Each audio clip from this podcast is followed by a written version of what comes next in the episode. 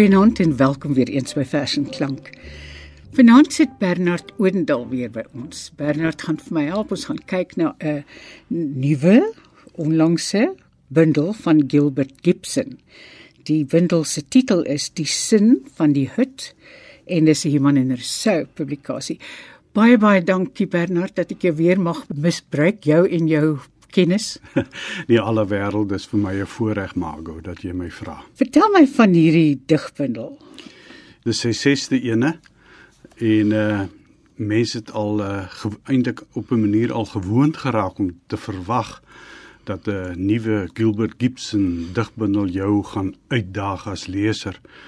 En mens sien al iets hiervan in die uh, brief wat die uitgewer saam met die bundel gestuur het en waar hulle juis beklemtoon dat ons weer hier 'n uh, poësiewerk het wat andersoortig is.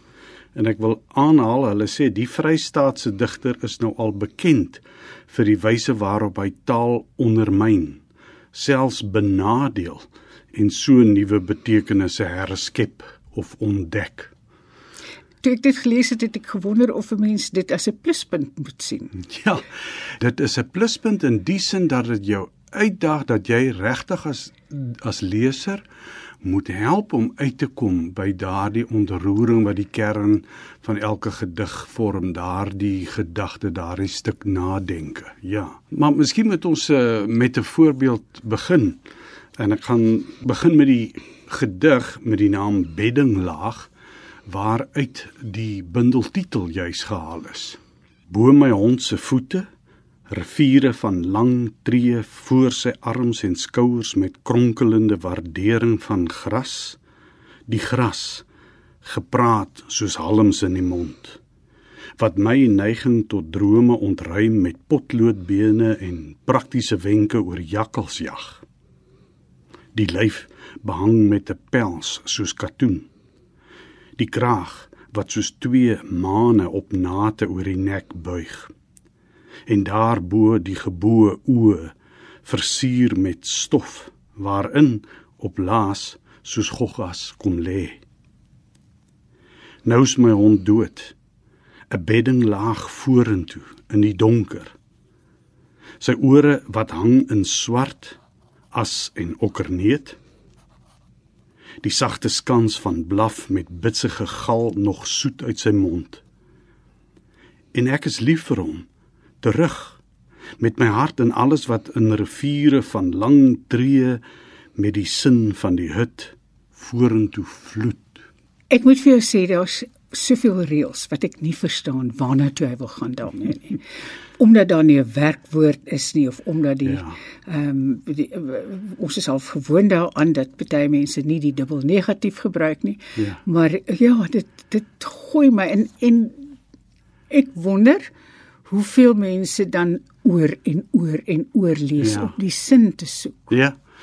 En tog uh, hy sal herhaaldelik bekroon vir sy werk. Daar is dus mense soos ek wat uh, tog 'n bietjie die geduld neem en aanhou en aanhou en dan kry hy dit tog reg. Want uh, dit is daarom ook nie heeltemal ondowe neete wat hy hierdie dinge doen nie. Miskien moet ons begin met die titel van die bundel en dan sien watter betekenisse miskien alles daarin skuil. Die titel, die sin van die hut is geneem uit 'n boek van 'n Franse filosoof, Gaston Bachelard as ek dit nou reg uitspreek. En een van die hoofstukke het daardie titel en dit is baie duidelik meerduidig. Dit kan op verskillende wyse geïnterpreteer word. As 'n wegspringplek wil ek weer iets neem wat in die uitgewersbrief staan. Daar staan: Die hut bied net soos die taal beskerming maar die ek wil ook daaruit wegbreek en ontsnap. Ons sien dus uh, daar's twee woorde in die titel wat sentraal staan, die hut en die sin begrippe. Nou aan die een kant as ons na hut kyk, dan kan ons dus sê dit lyk asof dit sou kon gaan oor die aardse verblyf. Ons kwesbare lewe en en die verhoudinge wat dit opbou. En aan die ander kant en aan die ander kant die betekenis van dit alles, die die sinvolheid daarvan van hierdie bestaan al dan nie. Want dadelik is daar ook ter sprake dink ek alles wat hierdie hut en hierdie sin bedreig. En daarbey wat deur ons hutbouery as ek dit so mag noem en ons sin skeppery ingeperk word of uitgesluit word. Dit lyk vir my al hierdie betekenisse sou as 'n mens deur die bundel lees sou al in hierdie titel kon staan. Die hut en die sin slaan dus nie net op ons lewens en ons verhoudings nie. Dit gaan ook oor die taal en die poësie self. Dit wil sê daardie middele waarmee die digter probeer om samehang en sin te skep of vas te lê. Ook hulle is maar 'n hut en waarvan die sin bedreig word. In daardie boek van Bachelard waarna ek verwys werd terloops kan ek net noem uh daarin gebruik hy juist die huis en dit wat 'n huis konstitueer as simboliek vir die poësie ruimte. Bernard, jy's 'n akademikus, ehm um, en jy doseer poësie. Ehm um, en onder onder meer ehm um, aan volwassenes mm. op universiteitsvlak. Mm. Maar as hierdie boek uh, voorgeskryf sou word vir uh, Afrikaans eerste taal hoër graad of wat ook al. Mm. Dan gaan dit 'n nagmerrie wees as die onderwysers dit nie verstaan nie. Ja, ja, ja. Ja nee, maar nou ja, deesdae word uh nie hele bundels vir skooldoeleindes voorgeskryf nie, is maar enkele gedigte wat uit bundels geneem het en nou moet jy ook nie vergeet nie, Margo, ek maak nou asof al die gedigte so uh jy kan sê amper so ontwrig is soos daai ene wat ons nou nou gelees het. En dit is nie die geval nie. Daar is ook momente wat baie helderder is en wat baie direkter vir 'n mens ontroer daarin. Gaan jy vir ons een van hulle later lees? Ja, ek dink miskien moet ons 'n uh, gedig kies waaraan 'n aantal van hierdie dinge wat ons nou genoem het duidelik ekho. Die gedig se naam is Teer. Ek sal bly wees as jy dit self lees. Ek maak so. Teer. In die hoek van die erf staan 'n vyeboom met lae takke waaronder die honde blaf teen die helling verby. Terwyl kraansduwe 'n plaag maak op die dak Hul ritsel tot teen die mure en 'n naburige venster met nuuskierige oë. Met sy blare staan die vyeboom om liefde in ons voor te berei. Tot die beswemming waar teer en parataal op 'n kritiese oomblik 'n hut word. En die hut 'n huis en die huis 'n bewoonde stilte. En die stilte 'n tempel in ons straat waar die honde onderdeur 'n nuwe geslag in lê vrugte dieselfde lewe voortborduur. Wie sou kon dink dat 'n kind tuis sou voel hier? Jy lees dit so goed, ek verstaan dit amper. Ek dink Margo, 'n manier om daarna te kyk is dat hy die taal en die digkuns self as voorbeelde sien van ons onvolkomme pogings om hier op die aarde tuis te voel om sin van aspekte van ons lewens te maak. Betekenisvol in hierdie verband in hierdie bundel is die wyse waarop hy titels gee vir die gedigte. Hulle het almal een woord titels. En telkens is daardie titels in hakkies geplaas asof dit net voorlopig is, asof dit nie vas staan nie, hulle vervangbaar is. Bovendien het hy elkeen van daai titelwoorde uit daardie betrokke gedig aangehaal. En dan is daardie woord nie noodwendig 'n uh, sentrale woord uh met betrekking tot die tema van daardie gedig. Dis asof dit heel toevallig is dat daardie woord dan nou voorlopig as titel moet funksioneer. Jy weet wat vir ons aandui Ja, jy probeer iets aandui, maar baie keer is dit mis of is dit maar net skrams wat jy ja. dit kan benoem, nê. Nee. Die hut en die sin gegeewe van die bundeltitel hoor ons in daardie titelwoorde, daardie gedigtitelwoorde geëgo in 'n hele klomp van hulle. Dis meestal woorde wat te doen het met 'n tuiste, met 'n huis in die erf, met ons poging om 'n huis te bou of so iets te konstrueer. 'n liefdesgedig wat 'n voorbeeld hiervan is, is die gedig Skuiling. En hy's een van daardie maklik toeganklike uh, meer toeganklike gedigte. Sal jy hom vir ons lees? Daarom sal ek hom lees, ja. Ek sit nie my hart in jou hande nie, maar druk dit in jou bors, waar dit soos asemrige verligting elke sug in jou slaak. Dan sal jy weet dat my hart bly waar jy dit sal moet bewaar in die skuilings van drome in jou are plak. So klop ek in jou bloed. So stuur jy my in die rigting van die hut. Uh, en jy sien selfs in so 'n toeganklike gedig soos hierdie duik daar 'n woord op soos plaak. Ja, jy nou skielik nie mooi weet hoe om hom te plaas in terme ja. van bloed en so aan, ja, nee. Ja, ja. Selfs in die gedig wat lyk asof hy dit nou gaan regkry, uh. is daar iets wat mis op skeefloop, sal ek sê, nê. Nee. Ja, maar dis tog 'n 'n treffende liefdesgedig ook, nê. Nee. O ja, inderdaad. Hmm. Nog so 'n liefdesgedig is die ene wat uh in die middelste afdeling van die bundel staan. En daai afdeling bevat net daardie een gedig wat hom nou nogal bietjie beklemtoon, nê. Dit lyk dus na 'n kerngedig in verband met die probleem van singewing en betekenisvertolking. Dit is 'n uh, baie interessante gedig. Hy is opgebou volgens 'n patroon van uitgebreide vergelyking, kan 'n mens sê. Op dië manier sou 'n mens kon sê dat hy dit lyk asof hy poog om verbande tussen dinge wat eintlik subjektief gelê is, asof hy deur middel van die volgehoue vergelyking 'n aanskyn van 'n sekere noodwendigheid daaraan wil gee dat dit 'n soort logika opbou, 'n soort logika van oorsaak en gevolg.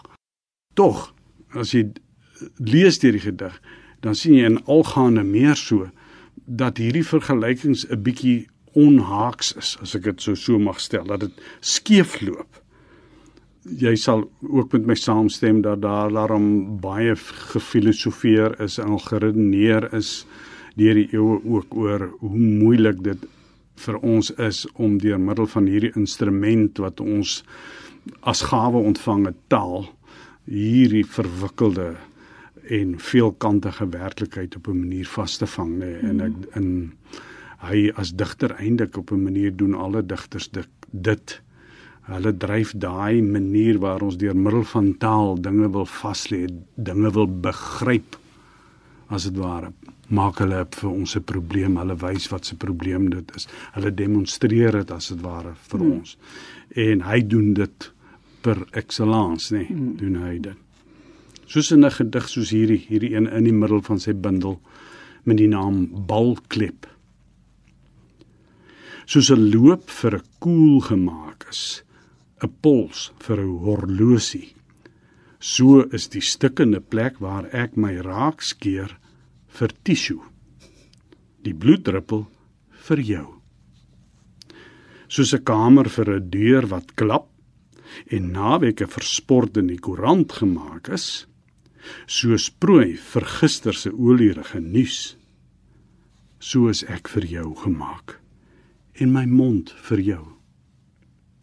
En die skaduwee wat jou bene op die grond gooi. Soos 'n bal klep vir 'n bytel 'n vel vir ink, soos film 'n plek van fokus, so is die lens wat jou hart beset, wat jou wimpers om die lig vou en dan die foto en dan die oop bajonet. Soos 'n loop vir 'n koel gemaak is en ek vir jou.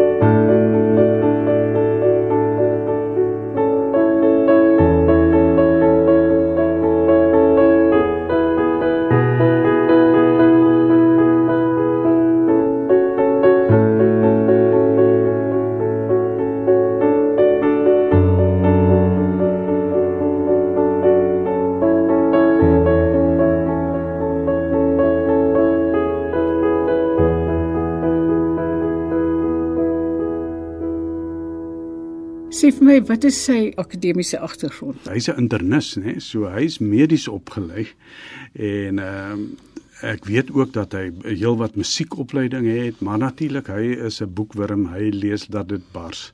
So in, in natuurlik uit die aard van die saak ook baie letterkunde wat hy lees en baie poësie. Maar hy is nie uh, net 'n ou vertaalkundiges in in poësie dosente nie want ons is ook maar gewone lesers ons wat ons daarmee besig hou is in die eerste plek ehm uh, jy weet geswore lesers. Maar dit is waar, die wat geïnteresseerd is in hoe taal werk en in verstegniek werk, vir hulle is daar iets spesiaals in sy digbundels. Uh, Byvoorbeeld, hy span 'n verskeidenheid digforme in in hierdie bundel van hom selfs goed soos prosa gedigte, nê. Maar die meerderheid van die gedigte, dis opvallend. uh, streef of neig na sal ek kan sê wat wat een van die heel bekendste uh, vaste versforme is naamlik die sonnet.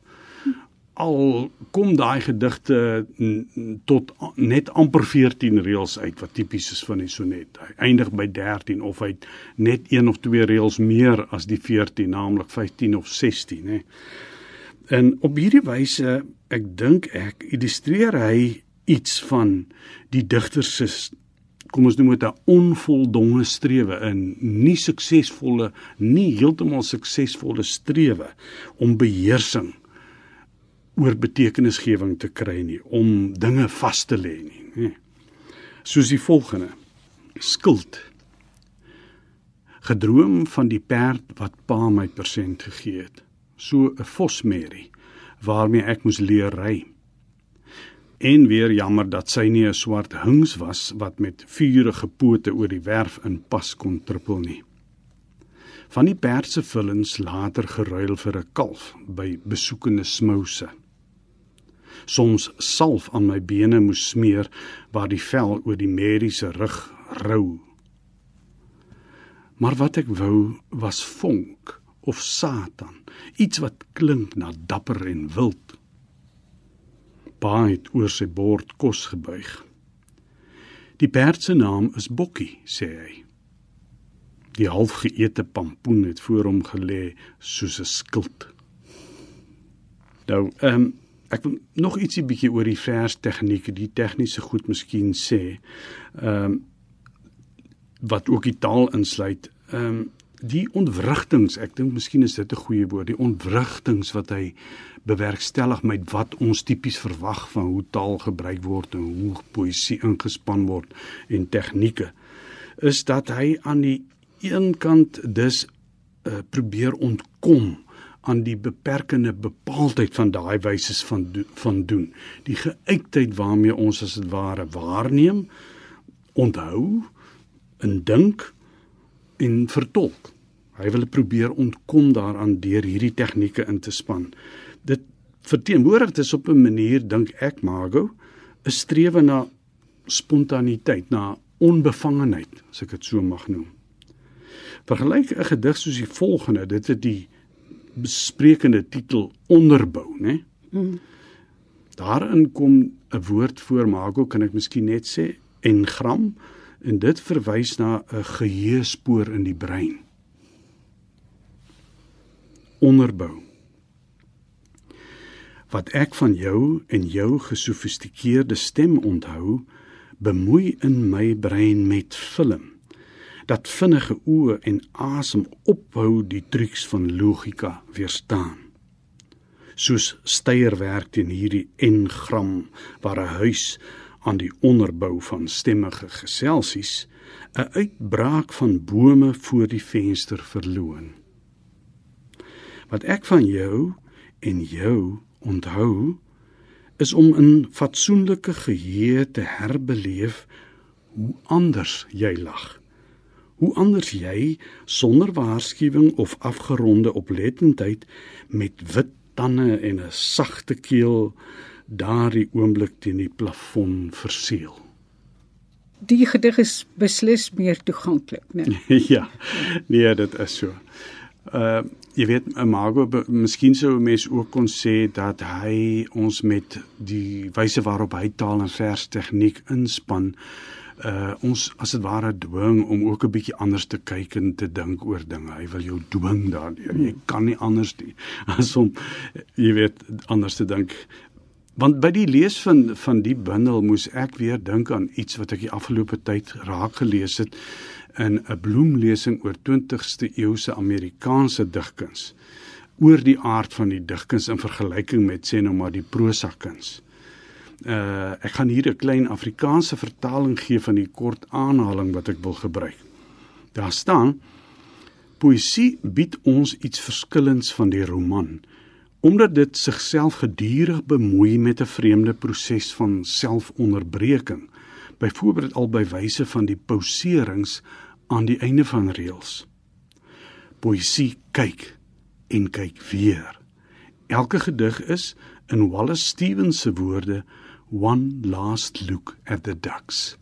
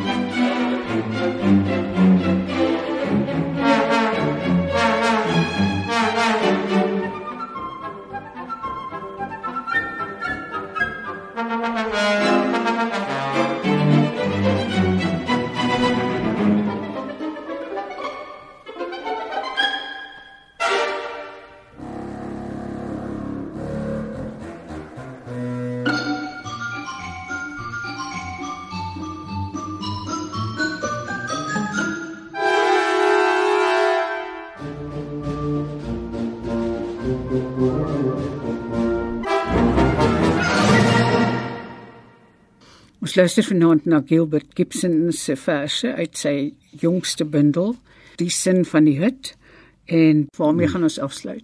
Ja, miskien juis met die slotgedig hmm. met die naam Bouval. Want hierdie huisbouery, hierdie sinmakery, so lyk dit in hierdie bundel kan baie maklik uitloop op 'n bouval.